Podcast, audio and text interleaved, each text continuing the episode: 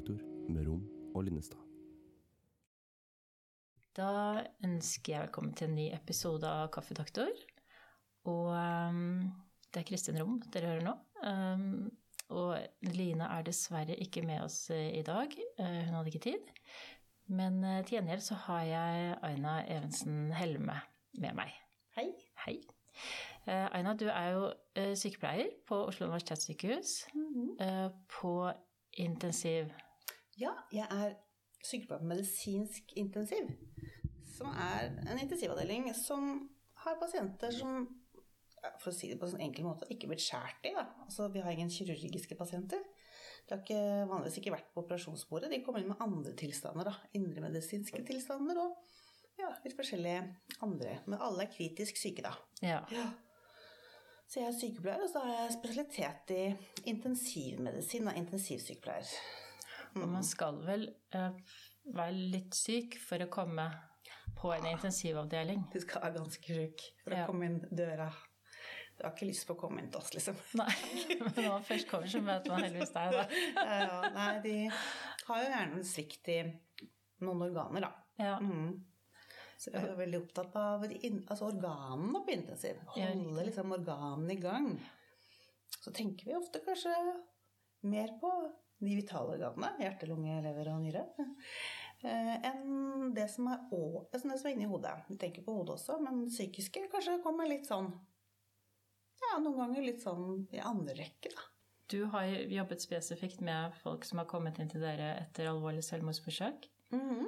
Um, og det er egentlig det vi skal snakke om. Jeg kunne bare tenke, liksom, høre litt grann, uh, for å få bakteppet her. Hvis du kan forklare litt sånn, som hva er livet på en intensivavdeling? Mhm.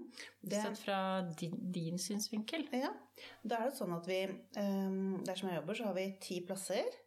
Um, og de plassene bemannes uh, med det som vi kaller én-til-én-sykepleie. Det betyr at det, det er en sykepleier eller en spesialsykepleier som passer én pasient til enhver tid. Det betyr at den pasienten er såpass kompleks i sykdomsbildet sitt at um, du må være bedside hele tiden for å passe på at eh, pasienten får optimal eh, hjelp og behandling og pleie. Da.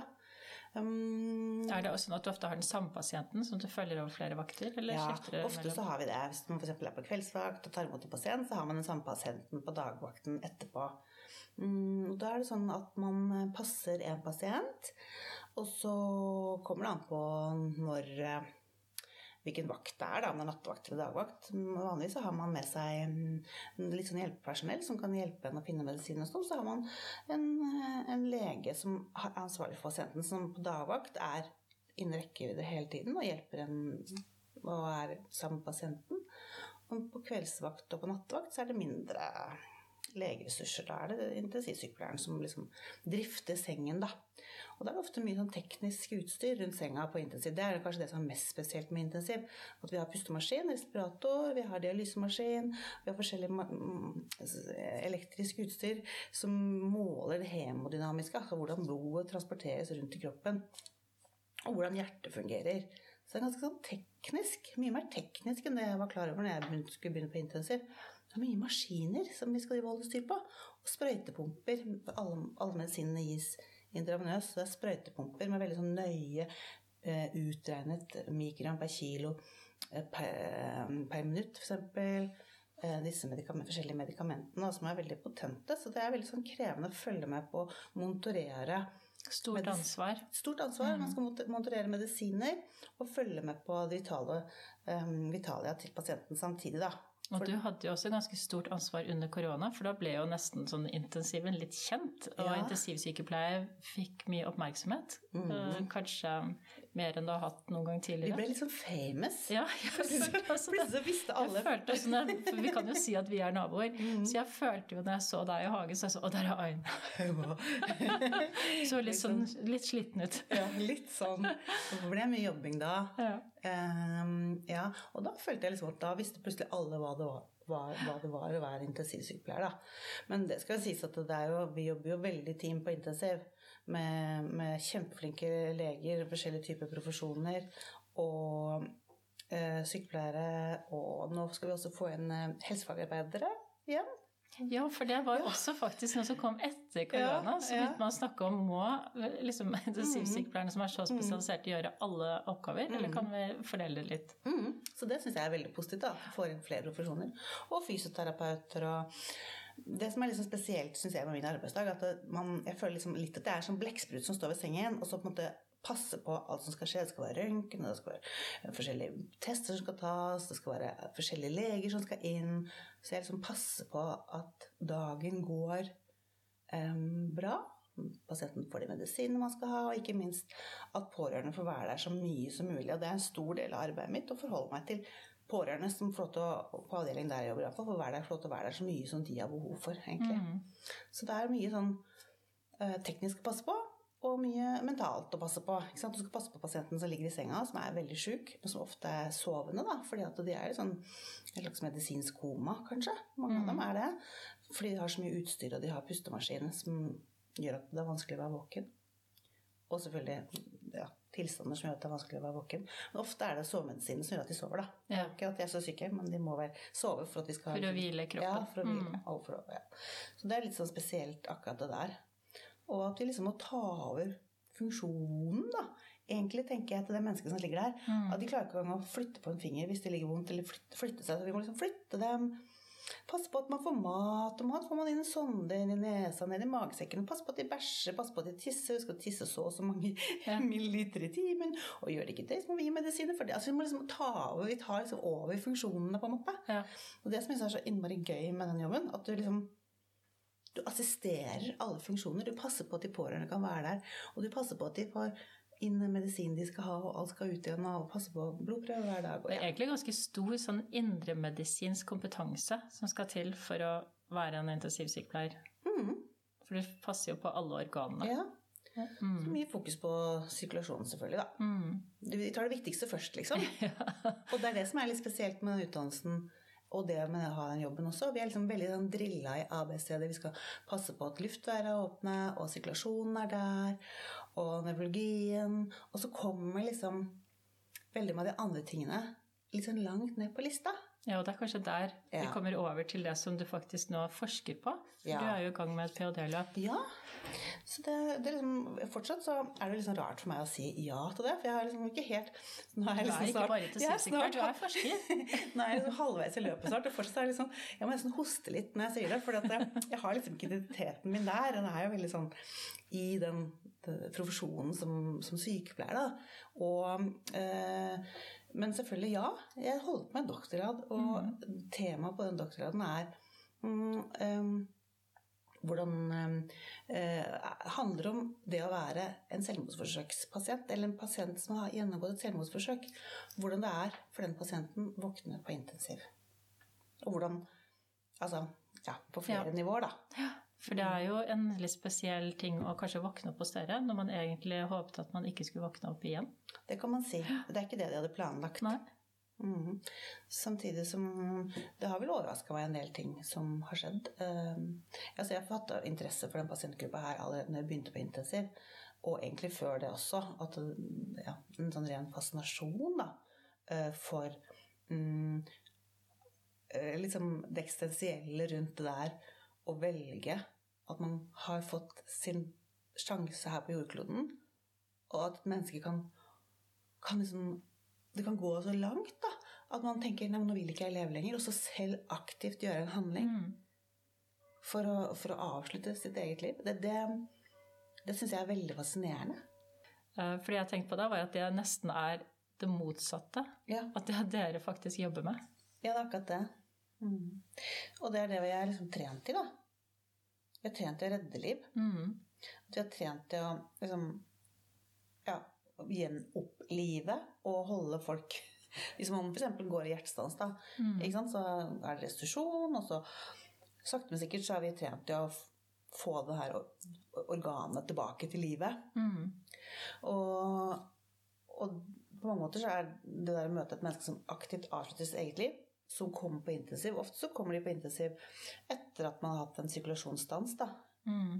Etter eh, selvmordsforsøket. At man egentlig kanskje eh, er ikke, helt- Kanskje ikke helt riktig å si klinisk død, men at de på en måte Tett på. tett på. Og så kommer de på intensiv, og så sakte, men sikkert så liksom vekker vi de, ordner vi de tilbake til livet, da. Ja. Og så kanskje ikke det var det de ville. Og så det å være det mennesket som står der Ofte så er det et sånn gledelig øyeblikk for de som har vært veldig kritisk syke og vært på pustemaskin f.eks. Mm. Og når nevrologiene er sånn at de er tilbake og slår opp øynene, og de kan snakke og Man har kanskje tatt ut pustekanylene av munnen, og sånn, og så kan man snakke med dem. Mm. Og de skjønner at de er i live og, lever og kan lever bruke beina. bruke armer og bein. Så er det sånn litt sånn halleluja-øyeblikk, liksom, for oss. Men for de her så er det jo helt omvendt. Ja. Som oftest, da. Det har jo vært begge deler. Men det, det, det, den interaksjonen der også har jeg blitt veldig fascinert av. Det der, hvordan gå inn i det. Med den treningen vi har. For vi er jo ikke trent i det i det hele tatt. Og det um, da, Jeg syns jo det Det er liksom um, øhm, Jeg syns ikke, ikke det er helt bra at uh, disse her hjelpeprofesjonene, da. Som Sånn sy eh, intensivsykepleiere som jeg er, og de som jobber som akuttsykepleiere og operasjonssykepleiere. Og sykepleier, grunnutdanning i sykepleie, og egentlig at vi ikke er trenet i, i det der å eh, møte mennesker i dyp krise. Vi, ikke, vi øves ikke på det. Vi øves heller ikke på å snakke med, med mennesker eh, med suicidtanker. Det er ikke noe som vi har toucha borti i utdannelsene våre i det hele tatt. Jeg hadde sånn eh, master avansert klinisk sykepleier, og ingenting Ikke noe kritikk mot den utdannelsen, den er kjempebra. Jeg var veldig god på alt det tekniske, og, men jeg hadde ingen trening i hvordan, hvordan møte et menneske i dyp desperasjon som ikke vil leve lenger. Og da er det naturlig, tenker jeg, at mange blir liksom parkert da i møte med disse pasientene, og bare egentlig man blir liksom redd for å Si noe feil. si noe feil. Kan man også bli litt provosert? Å ja. Og det tror jeg er det, det er det mange som kan bli. At de liksom eh, tenker at eh, ja eh, du hadde Du kommer hit og Men det er kanskje litt mer sånn fra ressursperspektiv. Da. At man bruk, bruker opp intensivkapasitet liksom, til, til en sånn type selvpålagt, selvpåført mm. eh, sykdom, da. Ikke sant? Er man liksom verdig trengende da, på en måte. Jeg vet ikke. Eh, Ja, nei, det, er, jo- det er jo et viktig spørsmål som vi har med mange andre typer lidelser også, med fedme eller alkohol eller eh, så, ja. ja, så, så kan det fra helsepersonells side, som er så tuna inn på det at vi skal liksom få kroppen til å leve lenger og leve bedre, uh, være frustrasjon da, over at noen velger å gjøre ting så kontra det som uh, jeg håper å si, vi er opplært til. Mm. Men kanskje du kunne fortelle litt om hva studiet ditt går ut på? Det er jo en, um, um, en ph.d. som handler om um, den der lille populasjonen i intensivpopulasjonen, som er pasienter som kommer inn på intensiv med eh, selvmordsforsøk. Og det er jo det et ganske alvorlig selvmordsforsøk når man kommer på intensiv. Så en ganske liten gruppe da, i den store intensivpopulasjonen. Og da skal jeg se på hvilke symptomer de opplever mens de er på intensiv. Um, både psykiske og fysiske symptomer. Ja, for de, de kan jo også ha fysisk uh, Ja. men av Ja. det selvmordsforsøket, som uh, smerter eller Ja, og det er veldig varierende ettersom hva slags type forsøk det er, da. Hva slags forsøk er det ofte? Nei, jeg har inkludert alle typer ikke alle typer forsøk, men kategoriene mine er, er um, intoksikasjon, altså overdose som forgiftning. Enten altså, type rusmidler, da. Enten, altså, alkohol er stort sett alltid med, men forskjellige typer medikamenter eller rusmidler. Altså intoksikasjoner, som vi kaller det. Mm. Og så er det henginger. Altså brann. Eller villet eh, Altså en trafikkulykke som de har ønsket selv. Altså, hva skal jeg riktig. ønsket, ja. Mm. Eh, drukning. Stikk, stikk og skudd. Men som ikke trenger kirurgisk behandling? Mm, ja, altså Eller er det først på kirurgen, og så kommer de til dere? De har inkludert på kirurgen også. Ja, riktig. Mm. Mm. Og hopp fra høyde. Ja. Det er, tror jeg alle kategoriene som Ja. jeg har inkludert. Da. Så ja, jeg har inkludert både på medisinsk intensiv som på min egen arbeidsplass. De fleste pasientene er derfra fordi vi har mest pasienter med overdose Mm. som som selvmordsforsøksmetode. Da. Men jeg har også inkludert på de kirurgiske avdelingene, for det er jo de med de mer, mer voldsomme metodene. Ja. Som krever på en måte at man skal sy eller eh, Ja, gjøre andre Operere. operere. Ortopedi og ja. Så de mm, har nok har mer fysisk smerteproblematikk. Ikke sant? Så det er jo ganske sånn forskjell på smertetyngden på de Mm. pasientene. Symptomtyngden. Men jeg ser på da, hva de føler sånn, Det er en håpløshetsskala. Eh, For hvilken grad av håpløshet de kjenner på intensiv rett etter selvmord, og tre og seks måneder etterpå. Så jeg gjentar alle spørsmålene. Tre, tre kontaktpunkt, da. Så er det så 100 ganger tre mm. intervjuer du har hatt, da. Mm. Og i tillegg til det så har jeg en kvalitativ mm, substudie, eller en delstudie, eh, hvor jeg da har gjort, utført dybdeintervjuer på ti pasienter. Hvor jeg går mye bredere ut, hvor jeg spør mer om sånn hva, hvordan, hva skjedde her? Hvordan kom du i den situasjonen? Hva skjedde rett før du kom på intensiv? Hvordan hadde du det når du våknet der? Hvordan hvordan var det? Var det noen som snakka med deg om det du trengte? Fikk du hjelp? Ja, my, mye mer sånn Ja, så og prøver du å spare litt i dag? ja, og mye går, som går mye mer på eh, erfaringene og opplevelsene som de hadde på intensiv. Da. Så det er både kvantitative og kvalitative data. Mm. Hvis du skulle, fordi de, De kvalitative dataene de presenterte du i Barcelona på en konferanse for ikke så lenge siden. Ja. Kanskje du kunne si litt om hva som kom frem da? For jeg syns det var veldig interessante Mm. eh, funn. Ja. Um, jeg fant jo altså, Selvfølgelig alle De aller fleste opplever det veldig sånn forskjellig å våkne. Men em, vi hadde en sånn grunnantakelse at det kanskje var veldig vanskelig for disse pasientene å våkne på intensiv, fordi de ville ikke leve lenger. Det, var, trodde, det trodde jeg egentlig. Men det viser seg at det å, å være på intensiv og eh, våkne der og eh, virkelig komme eh, Få masse oppmerksomhet. Det var veldig positivt for mange pasienter. Å oppleve at de ble sett, og at de ble hørt, og at symptomene deres ble tatt på alvor. Så møtet med det somatiske helsevesenet for de aller fleste av de jeg har snakket med, har vært ganske bra. Altså. At Det er veldig positivt. følt at, det, at har blitt sett, og at de um, Ja. Det var en Selve sykehusoppholdet, det var ikke det som var forferdelig Nei. for de pasientene. Det var de, de ting som skjedde i forkant, som var grunnen til at de valgte å ja. Tror du når, du, når de opplever det sånn, tror du det har noe med Ikke for å snakke dere ned, men kan det også ha noe med hvilken tilstand de er i? Mm. Eh, at de kanskje Jeg vet ikke om de er eh, sedert på noen måte, eller Mm. litt som du beskriver det, da, at man kanskje holder folk litt sånn i halvsøvne. Mm.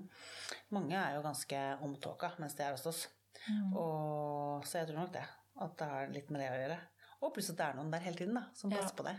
Du får ikke den følelsen av at du blir overlatt på deg selv. Eller Men de fortalte også om andre ting. At de, eh, det var selvfølgelig en dyp desperasjon og en, en veld, veldig sånn eh, eh, At det Det å våkne var for mange kunne være positivt, men for det var jo ikke nødvendigvis eh, Det var ikke nødvendigvis det å dø som var man ønsket. Man ønsket bare ikke å leve lenger.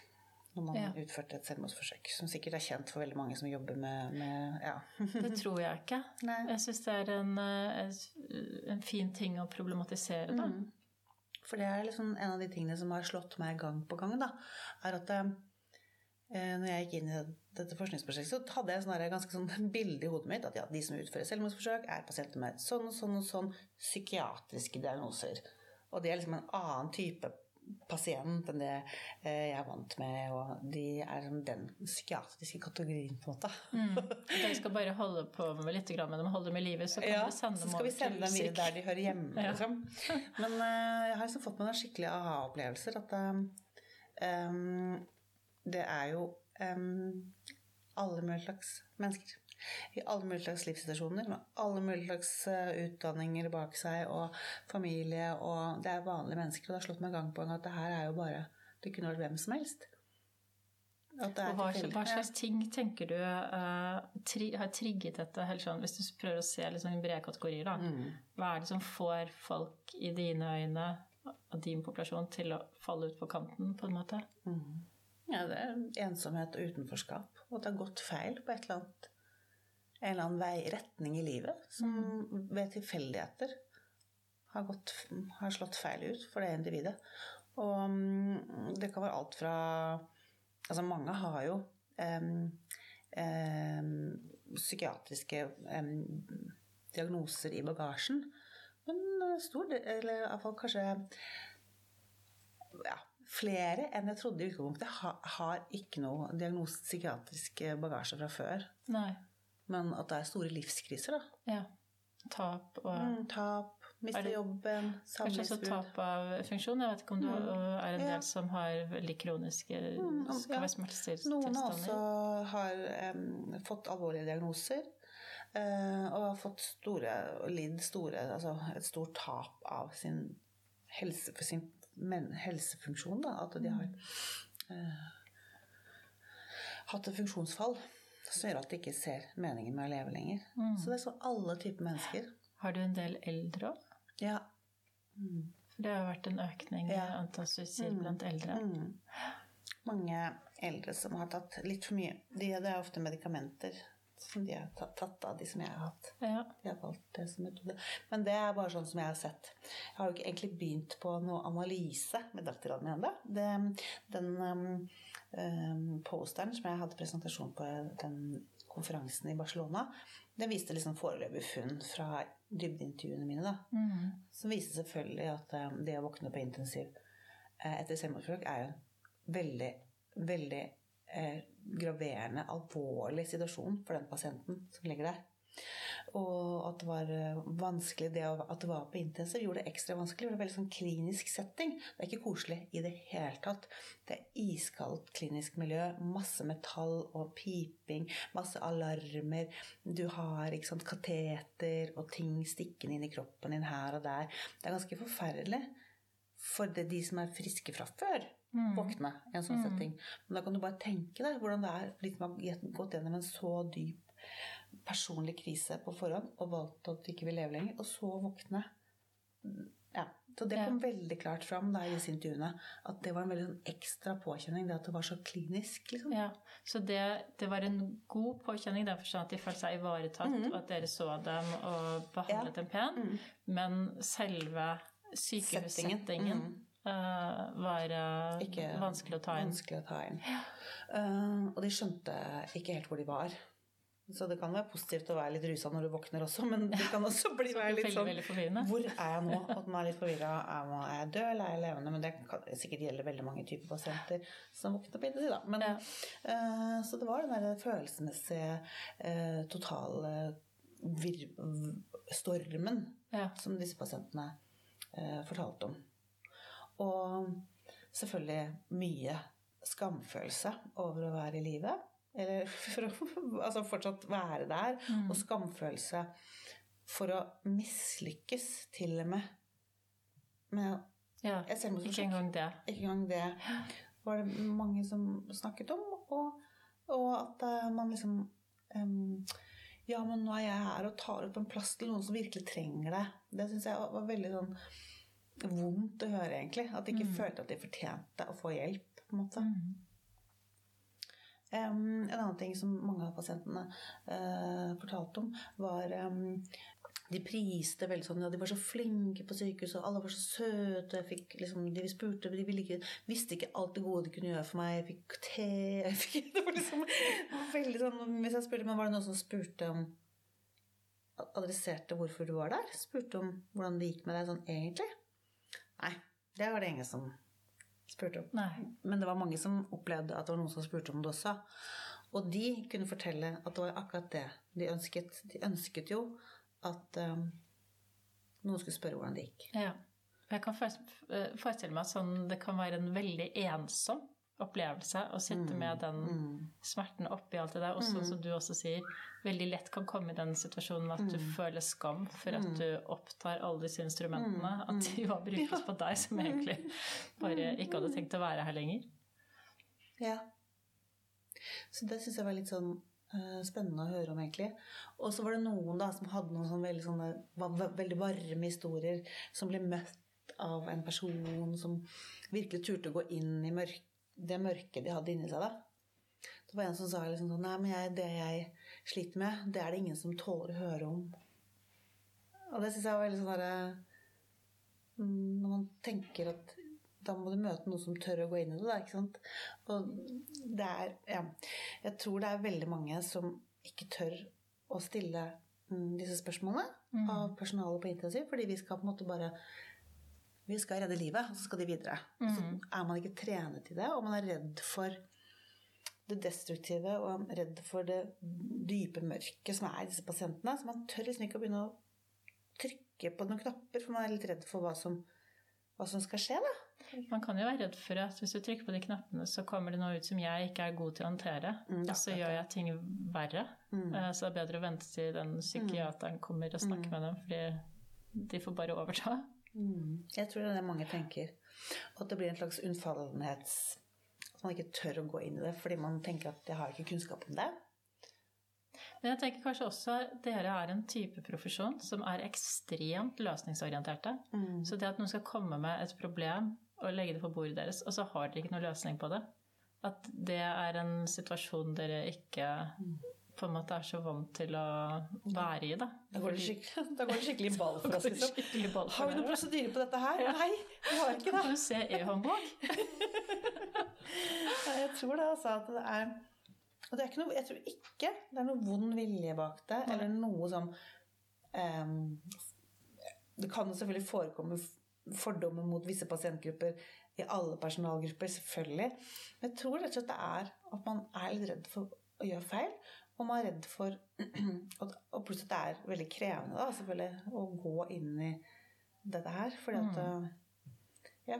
Og akkurat det med selvmordsproblematikk er det veldig mange av oss, både vi som jobber i hjelpeyrkene og alle ute i samfunnet, har jo De aller fleste kjenner noen, og jeg har vært, kanskje mange har vært glad i noen som har tatt livet sitt. Mm. At det er veldig personlig for mange, og veldig vondt for mange. Ja, at det kan rippe opp i ting hos ja. helsepersonellet også som mm. er vanskelig å håndtere. Mm.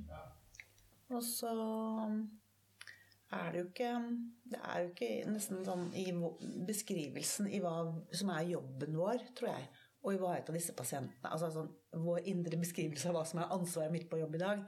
Å ta vare på den suicide krisa, liksom. Fordi det er Ja, han skal passe på at han puster, og Ja. så kanskje helst spise og tisse før de går videre. Hva tenker du sånn i forhold til Du underviser jo også på Oslo OsloMet. Mm. Underviser sykepleierstudenter. Um, hva tenker du sånn Nå er det jo masse data du ikke har analysert, men ting du har liksom fått tanker om, kan forbedres, da? Jeg tror um, at bare det der å eh, em, trene, trene på um, uh, å møte mennesker i dyp krise Akkurat som vi trener på hjerte-lungeredning, vi trener på hvordan identifisere sepsis. Og man trener masse med um, uh, simuleringssituasjoner. Ja, for dere er gode på Ja. simuleringstrening. Vi er ordentlig gode på det. Men det her trener vi aldri på. Um, og det tenker jeg vi må begynne med. At vi må ha en for liksom, um, Jeg tenker ikke for å bli bedre på det, for jeg er helt overbevist om at alle er gode på det her. Som bare tenker at det er en del av vår oppgave, og tenker behandlingen um, for selvmordsforsøket starter hos oss. Vi er viktige, for vi er første kontaktpunkt. Og jeg kan tenke det er, det er superviktig at den pasienten vi har foran oss, møter velvilje og hjelpsomhet. Fordi vi skal jo bygge grunnlaget for senere, den senere veien i helsevesenet. Kanskje mange av dem aldri har hatt noe kontakt med helsevesenet før. Jeg tenker det er veldig viktig det du sier der. Fordi vi blir ofte beskyldt, er beskyldt for å mm, være et veldig fragmentert helsevesen. Eh, Og eh, at forløpet starter faktisk hos dere. Også det psykiatriske forløpet. Eh, og i psykiatrien generelt så har vi jo også hatt denne diskusjonen med hvor skal du starte med familiearbeidet? Uh, kan ikke starte på akuttavdelingen sånn ordentlig, fordi der er det så dårlig. Det er først etterpå behandling skjer. Nei, det starter der. Og så kan det hende du ikke får gjort så veldig mye i den situasjonen, men pasienten skal jo videre. Det å få til overgangene, få behandlingen til å flyte gjennom systemet, da. Uh, Så jeg syns det er bare en utrolig Det er utrolig viktig det du gjør.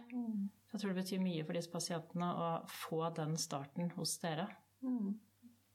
Ja, jeg er helt overbevist om at det er viktig. Jeg kjenner at det brenner veldig for å ufarliggjøre denne pasientgruppen. Fordi at um, Jeg vet ikke hva folk tror, at man liksom bare begynner å skrike og hoppe ut av vinduet. Altså, det, det, ikke, det skjer jo ikke, liksom.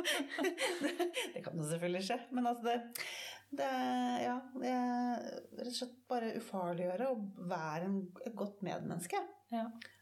Og så, jeg tror kanskje noen tror at ja, men vi kan jo ikke noen terapeutiske uh, teknikker. Kan jo ikke det, jeg.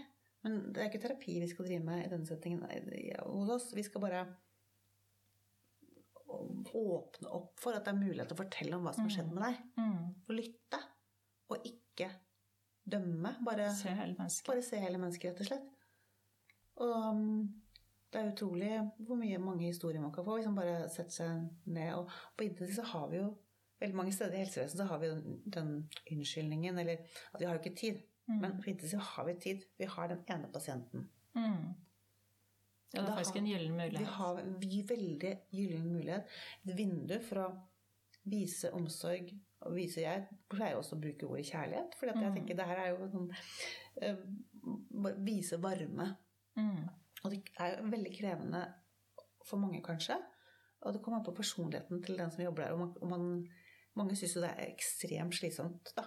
Og veldig sånn eh, krevende og draining. Altså å, å møte mennesker som har det så vanskelig på sånn eksistensielt nivå.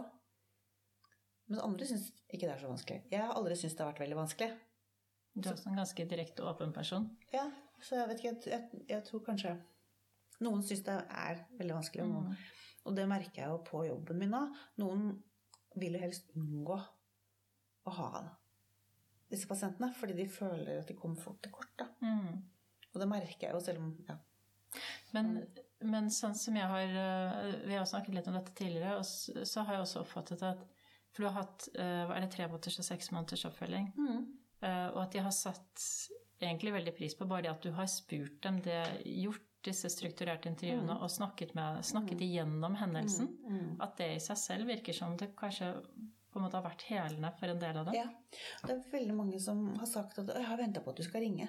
Fordi at du, du, liksom så, du snakker om vanlige ting, og du liksom At det er liksom sånn Du skal ikke, du skal ikke liksom vurdere meg på noen måte. Nei, Um, du kommer uten um, Ja. Uh, ja, ikke-dømmende Ja, samtale. Ja. Og det er jo de tingene jeg spør om her, kan jo være ganske sensitive ting, da, ikke sant? Men likevel så tror jeg alle er veldig Det, det virker som mange av pasientene på, som jeg har fulgt opp på tre og seks måneder, syns jo det er krevende å ha en samtale, men de, mange syns at det er eh, veldig godt å fortelle om hvordan de har det. Om alt fra hvor mye de spiser, til om de har løs, hardmage eller løs mage. Altså jeg spør om alt. Ingen hemmeligheter for deg. Eh, til eh, det, de, de føler seg sett, og veldig mange føler at de bidrar. ikke sant? Og det har vært nesten sånn rørende. at Nesten alle har sagt ja, men det, da, nå får jeg bidratt litt, kanskje jeg kan hjelpe noen andre. Ja. Det, og Det ligger en sånn nestekjærlighet. ja, og da tenker jeg at ja, da tenker jeg for meg så er det veldig rørende at de, selv om man har opplevd noe så jævlig selv, Mm. at man selv kan tenke at ja, men da kan jeg gjøre det her for å hjelpe noen andre. Mm. Og det i seg selv gir en mening for disse pasientene. Da. Det syns jeg er veldig fint. Og så tror jeg liksom egentlig at vi i det somatiske helsevesenet eh, liksom mystifisere psykiatrien litt. Eller tror liksom at det er liksom øh, Jeg vet ikke hva man tror. Jeg er liksom, men, nå med det. Nå, Vær ærlig. Hva jeg tåler deg, Kristin. Bare, jeg tåler det. Jeg skal greie å romme det. Nei da. Jeg, men jeg tror det nok det er mye vanskeligere, mye mer mystisk og mye mer sånn eh, irrgangete. Mm. Selvfølgelig er det det. Psykiatrien er like komplisert som alt annet. Det er ikke det jeg mener at det ikke er komplisert. Men det arbeidet vi skal gjøre på intensiv, det trenger ikke å være så vanskelig. Vi, vi skal bare være varme og tilstedeværende og Jeg pleier å si litt sånn girl next door. Mm. Jobb, da. Ja. Du er min, da. ja. ja. Så tenker jeg liksom Det ja. Men så er det det der selvfølgelig eh, Hvor mye skal man gi av seg selv, og hva Ja. Det er ikke alltid så lett å finne ut av det heller. Nei, det profesjonelle Mm, eh, mm. skillet. Distansen, Ja. liksom. For det er jo vi ikke trent i somatikken i det hele tatt, da. Vi er jo veldig sånn øvet i, iallfall på sykepleiersiden, eh, i liksom bare omsorg gis bare helt sånn uforbeholdent, og um, man, man, er ganske sånn nær i, i samtalen med pasienten. Ikke selvfølgelig fortelle om seg selv, men man er ikke så veldig opptatt av distanse. Um, men det, ja. Men det er veldig interessant, for vi har snakket med sykehuspresten, og hun fremhevet sykepleiere som en gruppe som eh, hun opplevde lettere kunne ta de eh, sånne tilsvarende sånne omsorgssamtaler som det presten gjør, da, enn psykologer og leger. Eh, for hun mente det lå litt mer i utdannelsen, så det stemmer jo litt overens med det du sier. Mm. At dere kanskje har en eh, Ja, den, det med omsorgen Mm. eh, er mer fremtredende, mens de andre utdannelsene er mer, kanskje litt mer tekniske. Mm. Ja, det tror jeg. Og nettopp det i seg selv gjør jo at man har en gyllen, gyllen mulighet da, når man møter disse pasientene i en ekstremt sårbar situasjon til å gjøre det mørke litt lysere, litt bedre på veien videre, og da liksom en, en bro til en livsorientering i stedet for broen til døden, eller Ja. hva man skal si. Altså at de kanskje altså Jeg tror ikke at det jeg sier til deg på intervju at de får lyst på å leve igjen, det er ikke det jeg sier, men da? Litt sånn nå har du jo snakket med dem etterpå. eh, og hva- er ditt inntrykk da? Jeg vet at du, du har jo ikke sett ordentlig på materialet, du kan ikke, det er liksom fingeren i været-aktig. Men uh, har du inntrykk av at noen av dem har, eller snudd, da, og tenker at jeg er glad det ikke gikk galt, på en oh, måte? ja. Det er, det er det, det er en av de tingene som har overrasket, overrasket meg veldig, og um, syns er ganske fascinerende, er den ambulansen i, i det De kan si ja, jeg tenker fortsatt på det, jeg kanskje ikke har lyst på å leve lenger, men det varierer, og det flukterer så veldig, det, det ønsket, da. Og at um, de kan ha veldig gode øyeblikk, Mm. og virkelig nyte livet, og så Ja. øyeblikk så Plutselig så er det veldig Ja. Så, så det er selvfølgelig noen, noen av pasientene som opplever store livskriser, store omveltninger som har utløst sånn suicidale tanker, eh, og har fått hjelp da etterpå. Noen er jo veldig, kommer komme inn i veldig gode behandlingsforløp og får veldig god hjelp etterpå. De sier jo 'Å, jeg er så glad for at jeg lever'. Eh, Så det er, det er denne kategorien også. Men så er det mange som går ut og inn av et ønske om det, det er for vanskelig for meg å leve. Ja. Og derav er døden en mulighet. De henger ja. um, Hvis du skulle si noe i forhold til samarbeidet med psykiatrien, mhm. hvordan syns du det ja, så Det slutter aldri å overraske meg over hvor vanntette skott det er mellom somatikken og psykiatrien Altså. Til og med, til og med sånn som vi har det på Ullevål, som det er ganske sånn lokalisert i nærheten av hverandre. Um, så jeg, jeg, jeg vil si at samarbeidet er, er ganske godt, for vi får jo eh, Hvis vi har pasienter vi trenger tilsyn til hos oss, så får vi jo det når vi trenger det. Eh, Og når vi trenger å overflytte pasienter ganske raskt til akuttsyk, så mm, de sier jo på akuttsyk, når de ringer fra, fra dere, så skjønner jo at det er alvor. Vi mm. tuller, ringer ikke, liksom. Så, og, og, og andre det var litt flåsete sagt, men det, det var det samme som å si at ja, vi har et ganske godt samarbeid. Men, alvor. Men vi blir tatt på alvor, og andre veien også. Um, men um, vi sysler jo med så vidt forskjellige ting, og det er en veldig sånn kulturforskjell Mm. i måten å tenke på pasienten på. Uh, som jeg tenker kunne hatt mye, veldig nytte av å ha mye mer samarbeid i det faglige. Da. Ikke sant? Sånn som vi snakket om det, f.eks. Å, å simulere da, Ja. om samtale med mennesker i krise. Det vet jeg at man gjør mye i psykiatrien. Nei, de bruker VR-briller. Gjør man ikke det? jo da, vi har Ja. noe. Men uh, generelt sett så tenker jeg vi har brukt det for lite, vi også. Okay. Mm. Um, fordi det så- Tidligere så var det mye mer sånn uh, Man hadde tid til å være med i hverandres konsultasjoner, kanskje. Mer sånn mester-svenn-læring. Og det har jo blitt mindre og mindre og mindre av det, fordi det er bare mer og mer travelt. Mm. Eh, Så jeg tenker jo kanskje at det med simuleringstrening som eh, Jeg har alltid tenkt at somatikken har vært best på det. Mm. eh, Og at det er noe vi kanskje må i gang med nettopp for å liksom gjøre det mulig for flere å få liksom lære gode samtaleteknikker. Da. For noen ganger så er det jo det er spesielle pasientkategorier også, også som er vanskelig å knekke koden på. Hvordan kommer jeg liksom inn på riktig måte her? Hvordan greier jeg å få til en allianse? Hvordan eh, La oss si barn og unge som har vært utsatt for incest. Da. Det er ikke bare å sette seg ned og ta den samtalen. Jeg tror veldig, veldig mange, også innen vårt fagfelt, vi synes at det er en veldig vanskelig samtale å ta. De er usikre på om man gjør det riktig, og trykker man på feil knapp, og kan man gjøre ting verre, og kan det låse seg, og Så jeg tror jo, selv om vi er i et felt hvor vi skal på en måte kunne snakke om hva som helst, så tror jeg det er mange temaer også hos oss Mm. som er veldig vanskelig um, å, å prate om. Mm. Også fordi pasientene er forskjellige, ikke sant? Ja. Og så er det jo et felt hvor det ikke går an å skrive prosedyrer. Nei. Det går ikke an å si ok, du, den diagnosen, så den, den, den. Det går ikke an å altså det, det sier seg selv. Og det er det som er så forvirrende. i hvert fall, Jeg tenker for mange, vi er, Der jeg jobber, så er vi vant med å jobbe etter prosedyrer. Altså vi har prosedyrer for alt. Mm. Er du i tvil hva du skal gjøre, så bare ok, det er E-håndboka. Kan Mm. ikke skrive prosedyrer om du, du må tune den. Det er veldig mye mer krevende. Ja. Så vi trenger å øve på det. Og det tenker jeg er en typisk ting som vi kunne gjort sammen med psykiatrien. da. Mm. Da vi kunnet hjulpet hverandre, ikke sant? Og, ja.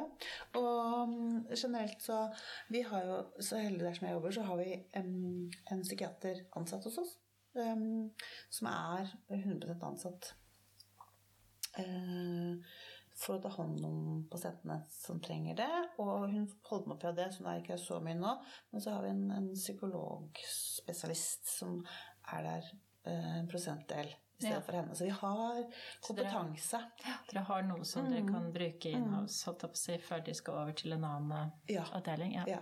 Så, men det gjelder nok ikke så veldig mange andre intensivavdelinger eh, rundt omkring i Norges land. Også for når jeg snakker med kolleger på intensivavdelingene ute i landet, så har ikke de Det er fordi vi er et stort universitetssykehus, og avdelingen vår har hatt en veldig sånn tradisjon på å ta hånd om pasienter med selvmordsproblematikk og mye psykiatrisk problematikk. Så vi har hatt veldig gode folk før oss som har etablert praksiser Mm. uh, på det, da. Uh, og det tror jeg er litt unikt. Mm. Så jeg tenker ofte på det når jeg noen ganger syns at vi kommer til kort der som jeg jobber. Da tenker jeg Jeg tror det er veldig mange andre steder som ja, Mm. ikke har det så bra, da. Som har Mhm. Jeg tenker jo det du har um, Det hele dette forskningsprosjektet ditt var kjempespennende og veldig, veldig viktig. Så jeg Mm. håper jo at du også kommer og snakker, eh, snakker rundt i psykiatrien om det. Uh, og ikke bare til uh, Mm. Ja, jeg, i uh, intensive sykepleiere Mm. og leger. Uh, for jeg tenker vi også har for det første godt å ha kunnskap om hvordan deres arbeidshverdag er. Uh, Og den pasientgruppa, og hvordan dere møter dem. Nettopp for også å kunne bygge den broen da, som du snakket om i stad. Over til en bedre behandling hos oss. Uh, Forhåpentligvis ja, hjelpe litt flere til å ikke ønske dette igjen, da. ja. ja, jeg tenker at det er et drømmescenario. At, vi kan ha mye mer at det kan være mye mer samarbeid. Men det, kan ikke dette være sånn fine avsluttende ord? Jeg tenker det. Syns vi to, i hvert fall. Ja. Da har vi bestemt det. Da vi. Ja, ja, banker det bordet. Men eh, tusen, tusen takk, Aina Einar, for at du stilte opp. Det var en glede. Ha det godt.